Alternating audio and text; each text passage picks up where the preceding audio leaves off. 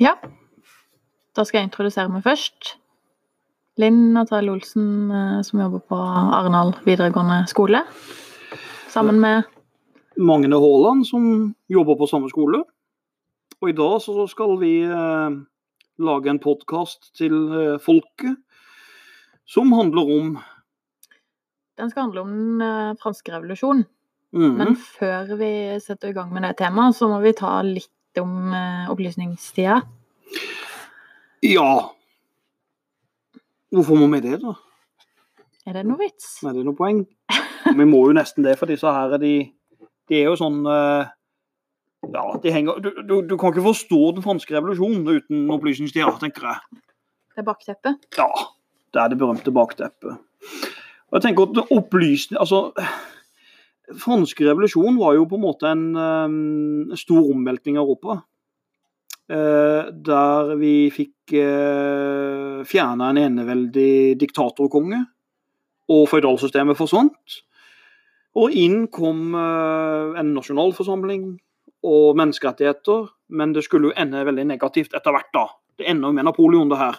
Men vi kommer tilbake til alt det. Men opplysningstida, sier du, den handler om eh, de tre f-er.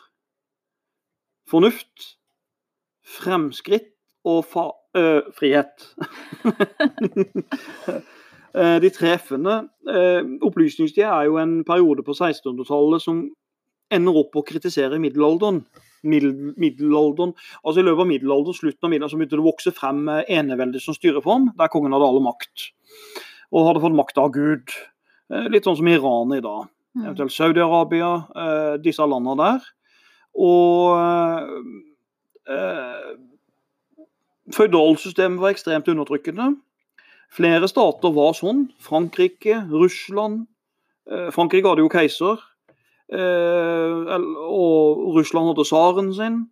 Osmanske riket hadde sultanen. Danmark-Norge var et enevelde. Eh, så flere steder var eneveldige. Disse har vi etter hvert falle og kollapse. Det blir revolusjoner. Og Mye av bakgrunnen er nettopp opplysningstida, som kommer fokus på at mennesket er godt og fritt. Eh, fornuft i sentrum. Eh, medisinsk forskning, eh, vitenskap. Ja Også Hvis du var syk, så var det, eller at det var naturkatastrofe, så var det ikke Gud. Det var enten naturlover, eller var det faktisk noe anatomisk. Så syke folk, f.eks. alkoholikere, de hadde ikke djevelen i seg lenger, som man trodde i middelalderen.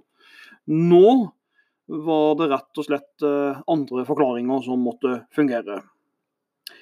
Og Da kommer vi egentlig veldig inn på fire store opplysningsfilosofer også, som preger denne tida her. Som drar dette her i gang. Mm. Og de er jo da John Locke er jo kanskje den mest kjente av de, som mener at alle mennesker er født med, med grunnleggende rettigheter. Eh, folkesuverenitet er et prinsipp han kom med. Eh, faren til den amerikanske uavhengighetserklæringa er John Locke. Han er òg egentlig litt faren til den norske grunnloven. Eh, den andre kan jo være Voltaire, den franske opplysningsfilosofen, som er kanskje er mest kjent for ytrings- og religionsfrihet. Du skulle ha lov til å si hva du mener uten å bli straffa for det osv. Og, så og tro på det du vil. Rousseau er jo òg en Han var vel sveitser, tror jeg. Var ikke noe hyggelig med ungene sine. Han hadde fem barn og fikk ikke retten til å beholde noen av dem. Eh, Rousseau er nok litt annerledes enn mange av opplysningsfilosofene, fordi at de er opptatt av ekstrem form for frihet. Rousseau ville gjerne at folk skulle ha frihet, men friheten må kombinere, altså må begrenses for å få til det beste i et samfunn. Eh, Det kalte han allmennviljen. Så han mener at folk kan ikke ha fullstendig frihet, du må gi fra deg noe av friheten din for å få til et godt samfunn. er tanken til Rousseau. F.eks. det å betale skatt i dag. da. Ja. Ingen syns det er gøy å betale skatt, men ja. Det er til det beste for samfunnet. Det er jo egentlig det, da. Eh, Montesquieu er jo kanskje siste på lista her. Montesquieu, eh, denne amerikan, fransk-amerikaneren er han vel, han snakker om tredeling av makta. Mm. Så her ser vi liksom oppsummert alle de, de, de, de er eh, opplysningsfilosofer, da. Eh, de fire filosofene som du har snakka om nå, ehm, de, har, de hatt, har de noen betydning for oss i dag? Uh, ja, de har jo egentlig det. Men hadde vi møtt de, hadde vi ikke likt de. Flere av disse her er skikkelig drittsekker. men Det eh, er ikke mange filosofer som er det. jo. Jo. Og veldig få filosofer som er i lønna arbeid. Og Sokrates var så drittsekk at han ble eh, drept. han ble drept med et giftbeger, for de var lei av å høre på han. Ja. Og uh, Kant hadde Aspergers, og Descartes var ustabil. Norske Arne Næss hadde en kosegris som han lekte med. Timotei? Timotei. Så mange norske filosofer har, og andre filosofer, det, det er mye rart der. Men spørsmålet var godt, jo. Eh, vi kan ta hver, altså, altså, Hvor viktig er egentlig John Locke, da? John Locke er jo viktig, tenker jeg, for han er jo mannen som oppretta folkesuverenitetsprinsippet. Folk er suverent. Det er opp til folket hvordan en stat skal styres. Og eh,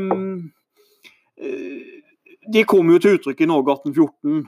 I 18 Norge 1814 de skrev Grunnloven, så hadde de lest John Locke. Når Christian Fredrik kom til Eidsvoll, så sier han da til eh, Sverdrup da på Eidsvoll så sier han til Georg Sverdrup, så sier han at han vil bli konge av Guds nåde. Han ville bli eneveldig konge, Christian Fredrik, den Mhm. danske prinsen. Og da svarer Sverdrup nei, de må bli konge av folkets nåde, ikke Guds nåde. Eidsvoll 1814 de kjente til John Locke og folkesuvereniteten. Men John Locke er også interessant, for han er nettopp mannen bak at um, Hvis du ser i USA, så bærer de våpen. USA har jo, og Det er eh, det andre grunnlovstillegget. har folk rett til å bære våpen fordi at eh, man har rett til å opprør, ifølge John Locke, mot undertrykkende stat. Ja. Så John Locke har, er mannen bak mange grunnlover rundt i verden. Mm. Voltaire forsvarte jo faktisk eneveldet på mange måter. Eh, men han ville gjerne at folk skulle ha ytrings- og religionsfrihet. Han ble jo berømt for sitatet Jeg er uenig i hva du sier, men jeg vil med mitt liv forsvare din rett til å si det. Og det er jo godt sagt. Mm. Ytringsfrihet er jo alltid aktuelt i vårt samfunn. Hvor langt skal den gå? Hvor skal grensa gå? Eh, Samme med religionsfrihet. Har man rett til å omskjære sine barn offentlig? Altså, altså mange ting her som kommer inn under de to spørsmåla. Fremdeles aktuelle. Eh, Rousseau, ja, kan ikke han være aktuell i dag i forhold til uh, forholdet mellom stat og individ? Hvor mye skal staten styre, hvor mye skal individet styre sjøl? Det med allmennvilje jeg nevnte i stad. Ja.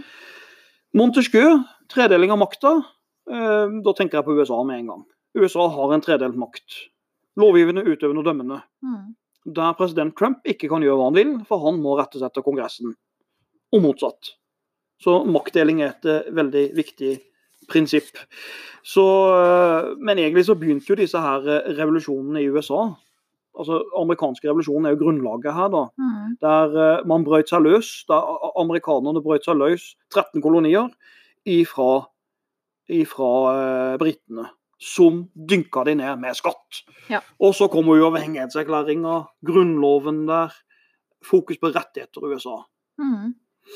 Eh, men revolusjonen i USA, var det en revolusjon for de hvite? Mennene? Ja, det, det vil jeg nok si at det var. Det var ikke for alle? Mm? Det var ikke for alle? Nei. Den amerikanske revolusjonen ga egentlig Grunnloven der ga stemmerett til menn over 25 år, Mm. som eide land.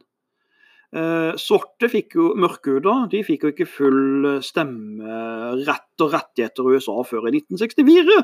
1964! Det er seint. Det er seint. Da kom Lyndon B. Johnson, LBJ, med loven som stoppa eh, diskrimineringa. Ja. Så man måtte true statene med militære og sette inn militære styrker hvis ikke de ville gi rettigheter til de mørkhuda. Nå har det jo bedra seg. da. Obama ble jo president, og det er jo et stort, stort fremskritt. Mm. Så eh, eh, Men absolutt. Men hvorfor er uavhengighetserklæringa i USA så viktig? Så viktig dokument? Ja, eh, jeg har sagt det mange ganger i forskjellige sammenhenger, i klasserom og alt, at jeg mener at uavhengighetserklæringa av USA, som er skrevet, er kanskje et av de viktigste dokumentene i historien. Og den er jo skrevet av Thomas Jefferson. Eh, USAs tredje president. Utenriksminister under den første Washington. Jefferson skrev jo uavhengighetserklæringa inspirert av John Locke. Han var en opplysningsfilosof, og når han skrev dette, så står det jo så pent. Alle mennesker er født frie og like og de har fått umistelige rettigheter av sin skaper. Altså, Gud har ikke tatt fra deg rettigheter, men Gud har gitt deg rettigheter. Mm. Og det er det unike i eh, uavhengighetserklæringa, at du har, du, du har rettigheter. Og du har til og med rett til lykke. Du har til og med rett til å ha et lykkelig liv, står det i, i, i den amerikanske uavhengighetserklæringen. Og den er jo grunnlaget for våre menneskerettigheter i dag. Mm. Så den er, det er et viktig dokument. Men igjen, den er beregnet for den hvite mannen. Ja. Mm. Um, da har vi liksom tatt litt om bakgrunnen da, med opplysningstida og, ehm, og eh, revolusjonen i USA. Mm. Uh, og da er det kanskje naturlig å gå videre til den franske revolusjonen. Hva var den franske revolusjonen? Ja, den franske revolusjonen, det er jo egentlig eh, Det er lett å huske årstallet. For det er du tatt ett tall, og så syv, åtte og ni. 1789. 1, 7, 8, 9. Mhm. Eh, den bryter jo ut i det, Altså, Frankrike på den tida var jo den store, stor, store stormakten. Frankrike var svære. Mm. De var som USA i dag, omtrent. Eh, konkurrerte med England om makt. Men eh, eneveldet kollapsa i Frankrike. Den eneveldige kongen, alltid Ludvig, heter Ludvig, king Louis. Mhm. Og så det ble slutten på 1000 år undertrykkende samfunn. Du fikk på plass slagord av frihet, likhet og bråskap.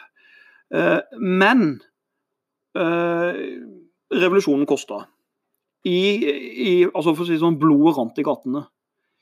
Og en historiker som heter Simon Shama, som har skrevet om fransk revolusjon, han forteller det at seinen Er det ikke seinen heter den? Er så dårlig i fransk? Seinen, den sein? Elva, ja. Ja, Ja. ja den Det er jo seinen, Seinen, Ja. er litt usikker. litt usikker, Iallfall ikke Nidelva. Men den var, den var fullt, den, den, var, den var rød av blod. Ja.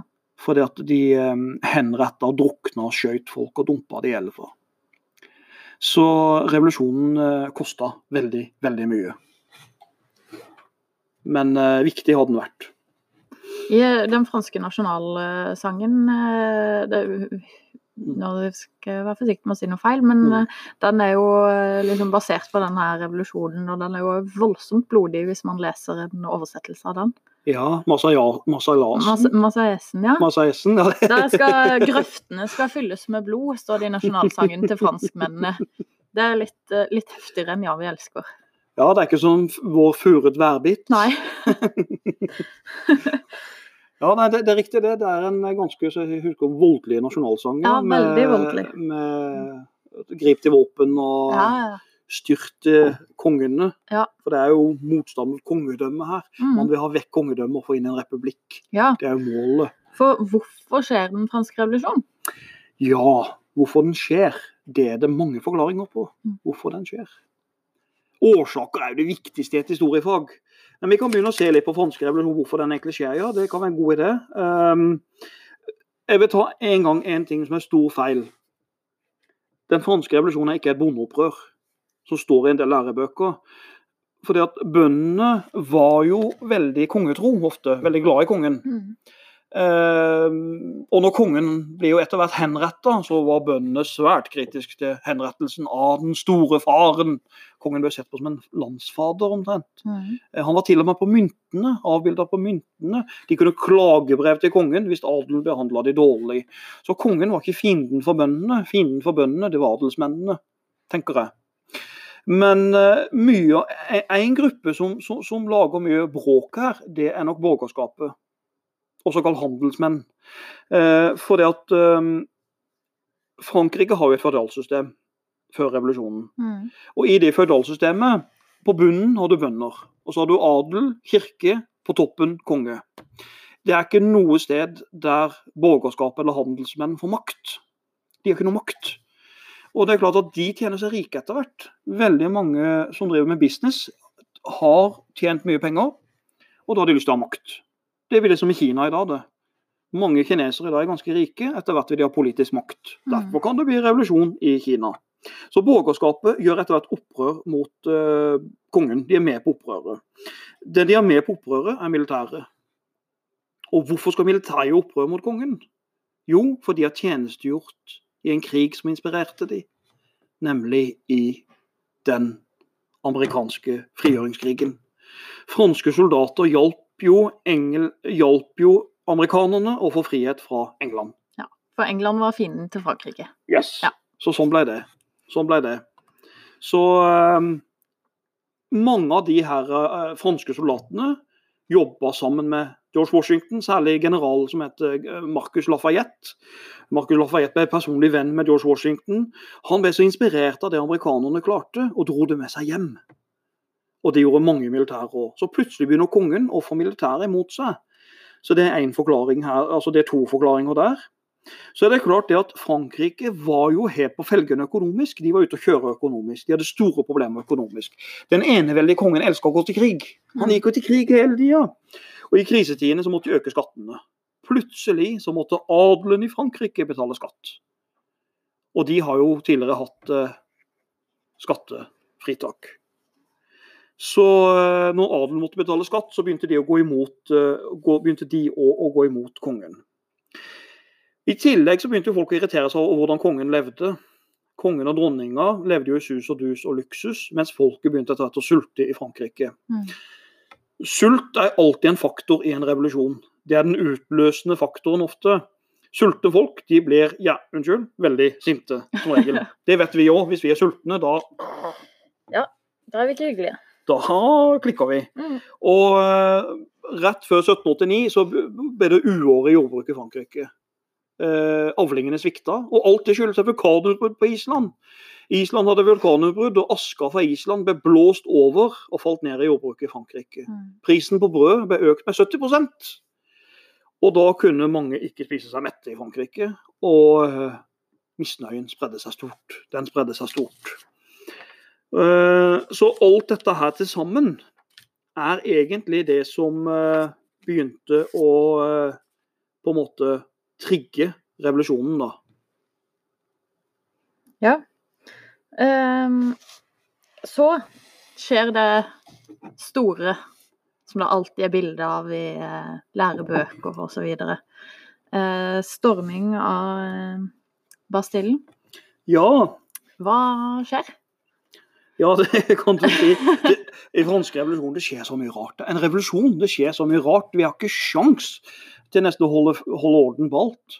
Eh, men Bastillen var jo virkelig hata i Frankrike. Mm. For det var kongens eh, fengsel, der Mm. han fengsla sine politiske motstandere. Voltaire satt jo der. Så, og i, i tillegg i Bastillen så var det jo store lagre med krutt og ammunisjon. Mm. Og opprørerne eh, gikk til angrep på Bastillen.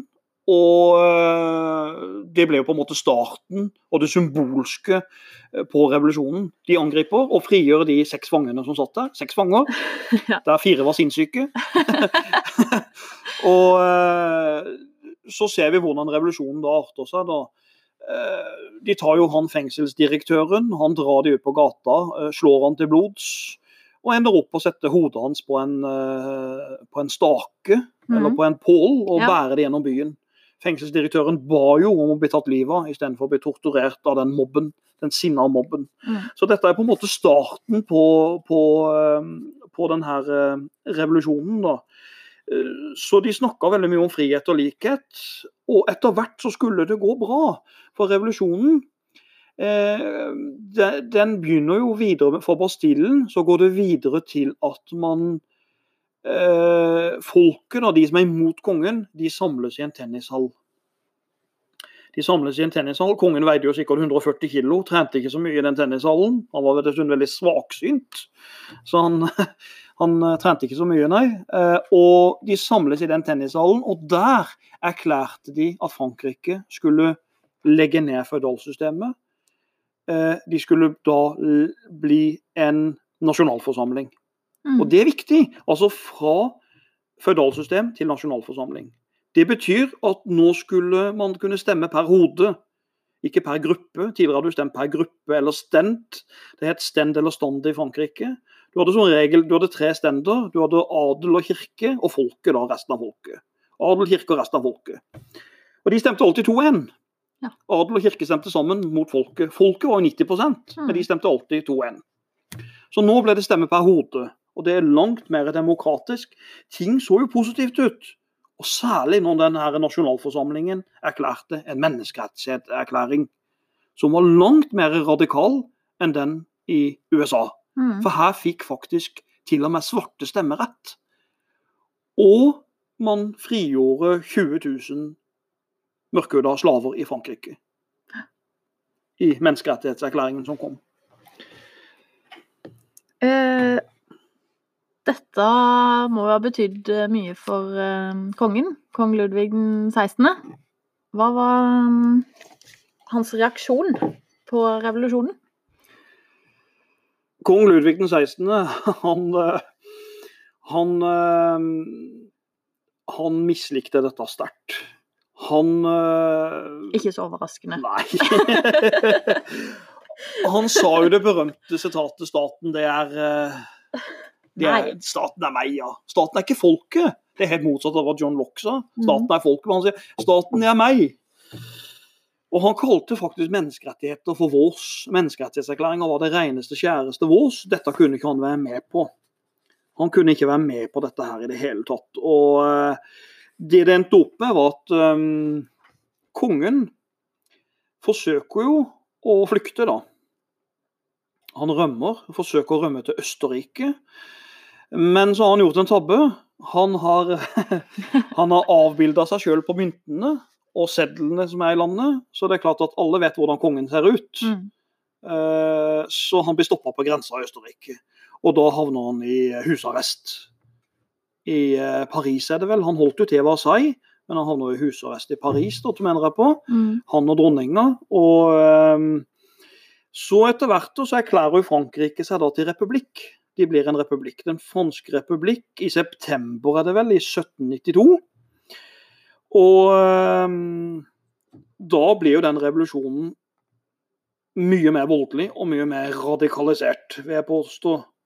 For nå kommer disse jakobinerne til, eh, til makta. Ja. Eh, Jakobinerne, Mm. hvem er de? Ja, det kan du si. Hvem er, hvem, hvem er jakobinerne? Jakobinerne er jo egentlig um, Ja, hvem er de? De kommer fra kloster, da. De kommer fra en klosterbevegelse. Uh, de er ganske sånn uh, forsiktige og nøysomme folk. Ikke opptatt av overklasse. Opptatt av å leve et rent og skikkelig liv. Mm.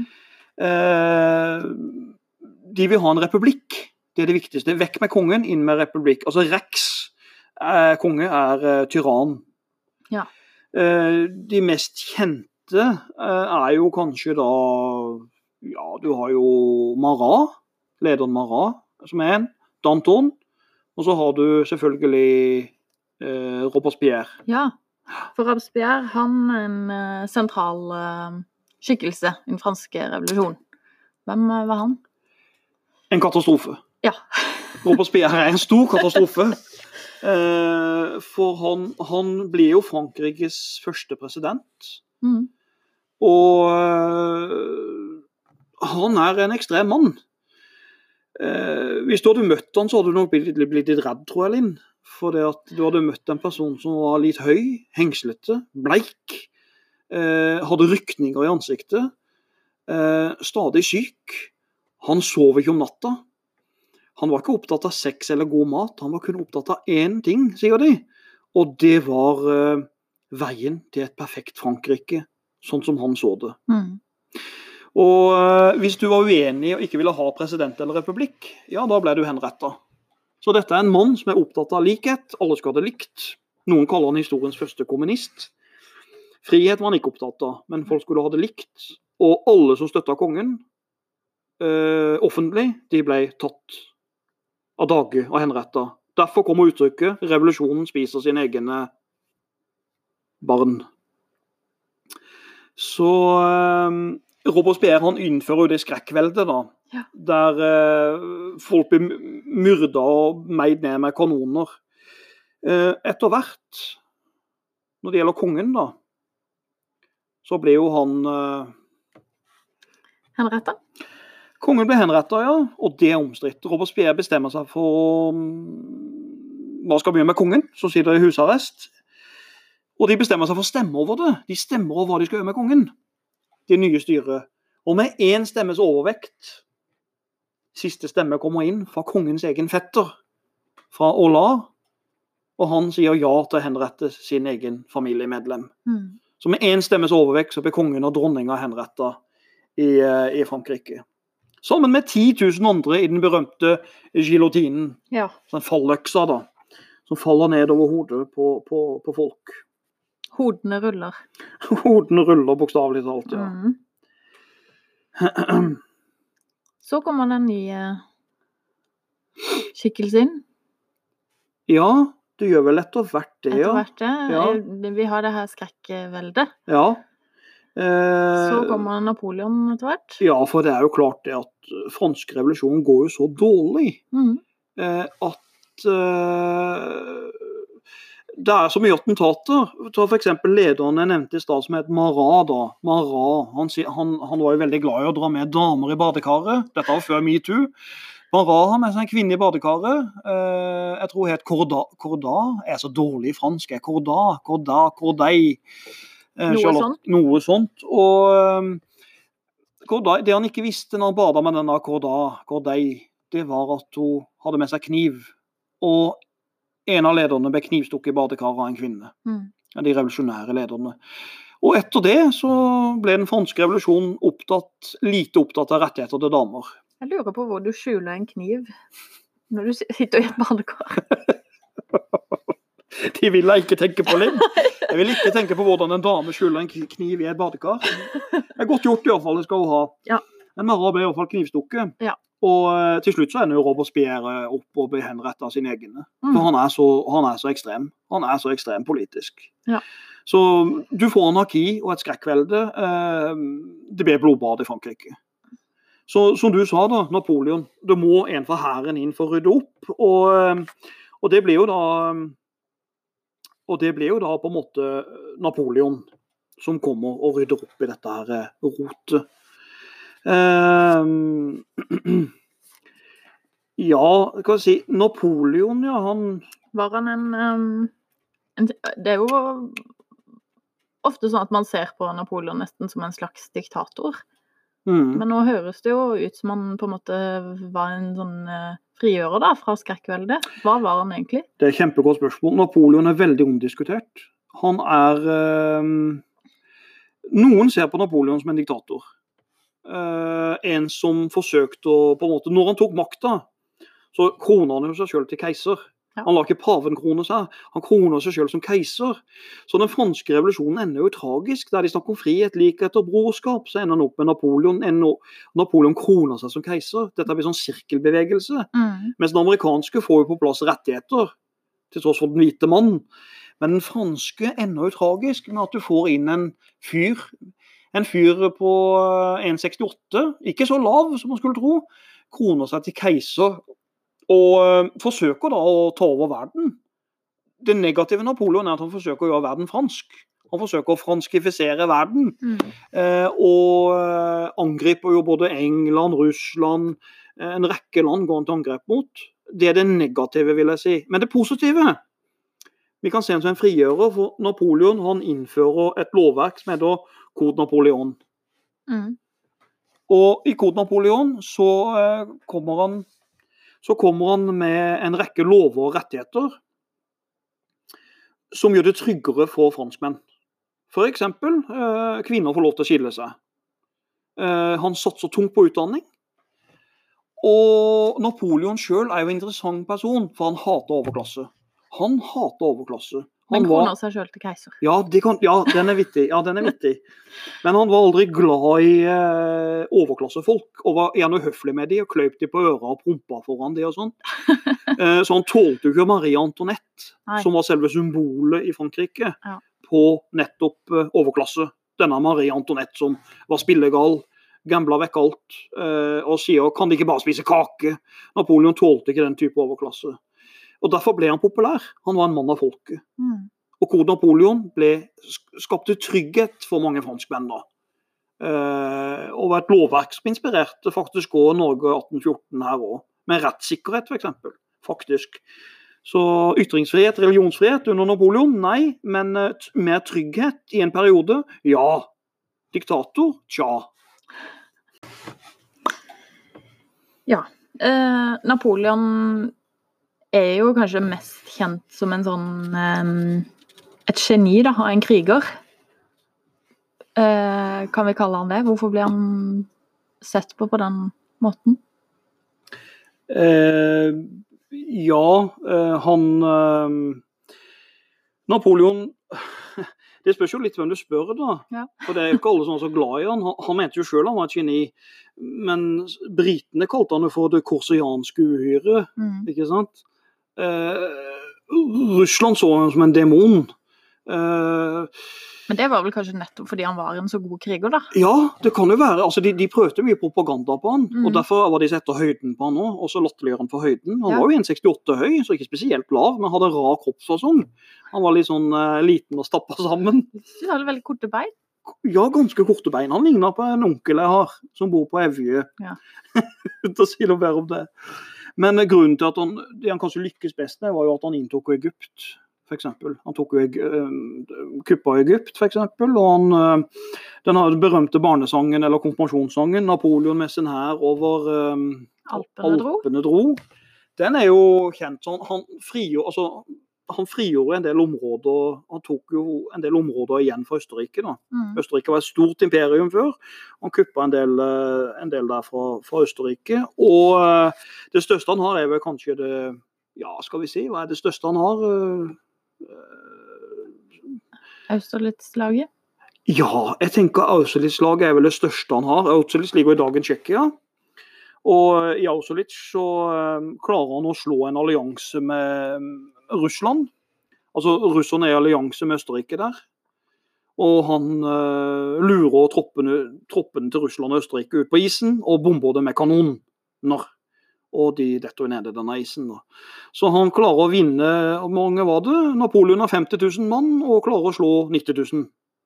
Så etter Austerlitz så trodde jo Napoleon at han kunne gjøre akkurat hva han ville.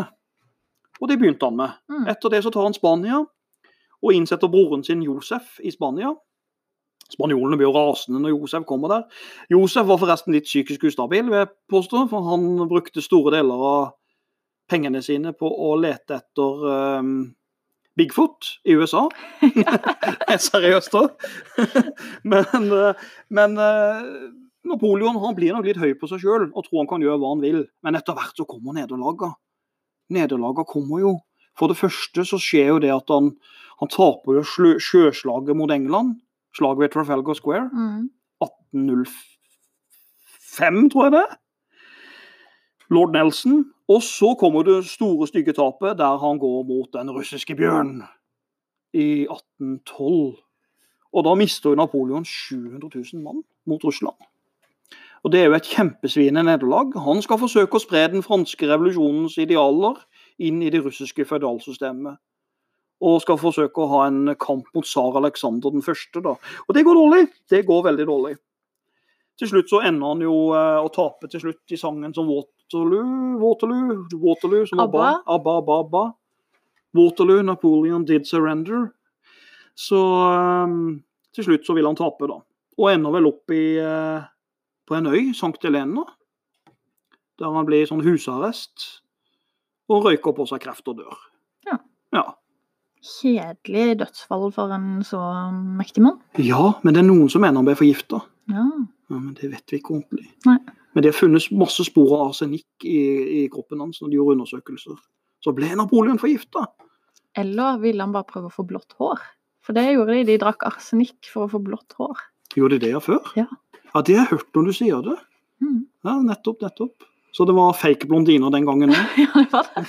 Ikke bare, ikke bare Men du er ekte blondine. Eh, ja, på en måte. Mm, mm. Mørk blondine. Ja, Mm. Det er sånn halvveis, jeg. Jo. Ja. Men eh, da er Napoleon eh, død.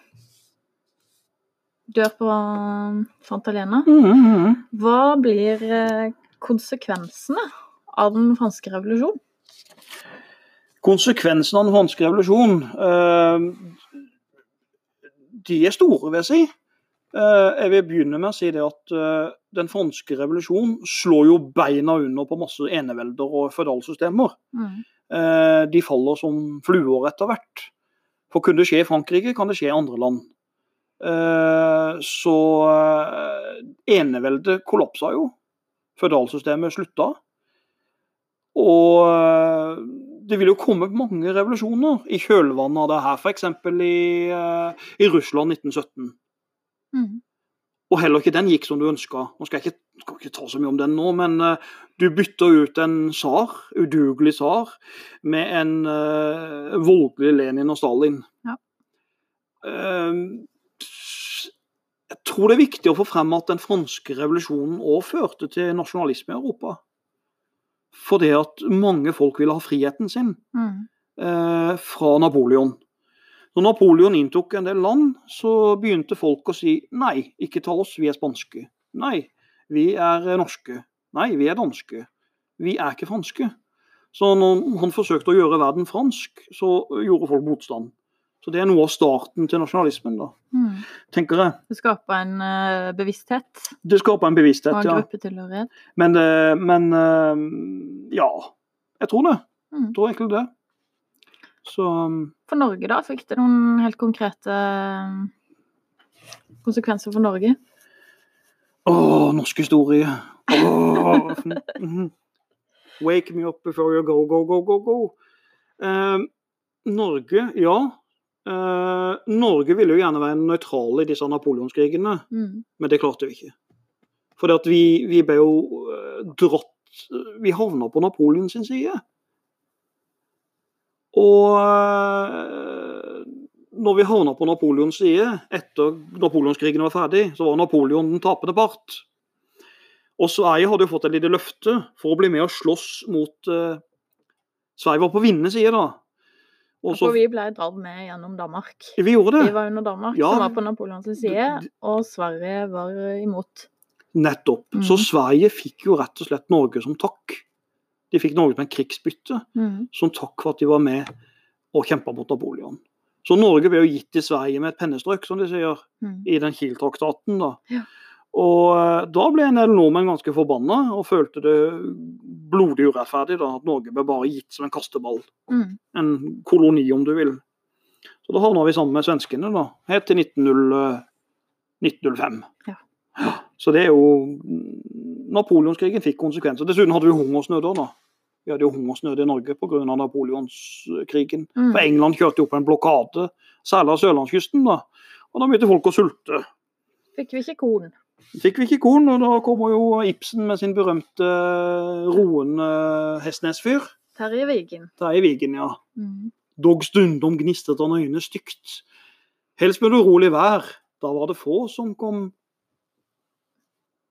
Terje Vigen nær. Er det ikke sånn den går? Jo, det er noe sånt.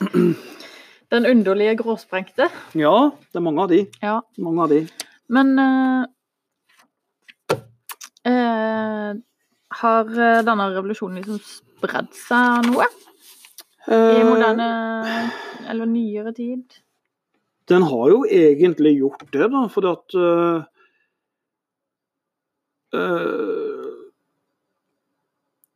Revolusjon Altså, når et så mektig enevelde som det franske kunne, kunne miste fotfeste, og for så vidt i USA òg, med Altså, amerikanerne var jo en koloni under England og fikk friheten sin. Mm. Når de to tingene kunne skje, så inspirerer du andre. Og det har de gjort i historien. Mm. Uh, og det ser vi jo f.eks. i dette arabiske opprøret, eller arabisk eller afrikansk fra 2011 og utover. Mm. Så det har vært en rekke revolusjoner i, eh, i, eh, i Nord-Afrika og Midtøsten. F.eks. Egypt. da. da. I Egypt så måtte jo president Mubarak gå av. Og i Libya så røyk vel han godeste um, Gaddafi? Gaddafi, takk skal du ha. Gaddafi. Og så er det triste med revolusjoner, da. Hvem erstatter disse? Ja, det blir jo ikke det blir, Som vi så, i hvert fall i den franske revolusjonen, så blir det jo ikke bedre med Robespierre. Nei! Det får ofte bare en uh, ny uh, negativ ledelse. De, og det gjorde de. De fikk f.eks. Ja, la oss si Egypt og Libya, så fikk de vel eh, Egypt fikk vel muslimbrorskap inn, Mm. som ikke er helt glad i demokrati. Og Libya fikk IS, da. Mm. Og eh, kan jeg velge mellom eh, Gaddafi og IS, da er det som å velge mellom pest og kolera. Ikke Ja. sant? Du erstatter en drittsekk med, en annen, eh, Mm. med andre drittsekker. Så revolusjoner har jeg kanskje Hva skal vi si? Er det positivt? Nei, det er vel eh, for store omveltninger på kort tid. Eh, etterlater vel egentlig bare et sånn vakuum der noen andre sniker seg inn og, og utøver den samme makta på et vis. Ja, ja, absolutt. Det kan være nødvendig av og til å gjøre litt eh, opprenskning og hagerengjøring og sånt, men eh, må gjøre sakte. Og ikke med så mye vold og konflikter, kanskje, som har skjedd i historien. Det er bedre med luking enn med roundup.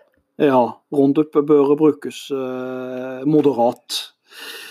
Ja, skal vi si at den var innafor, eller har du Jeg tenker at det er greit, det.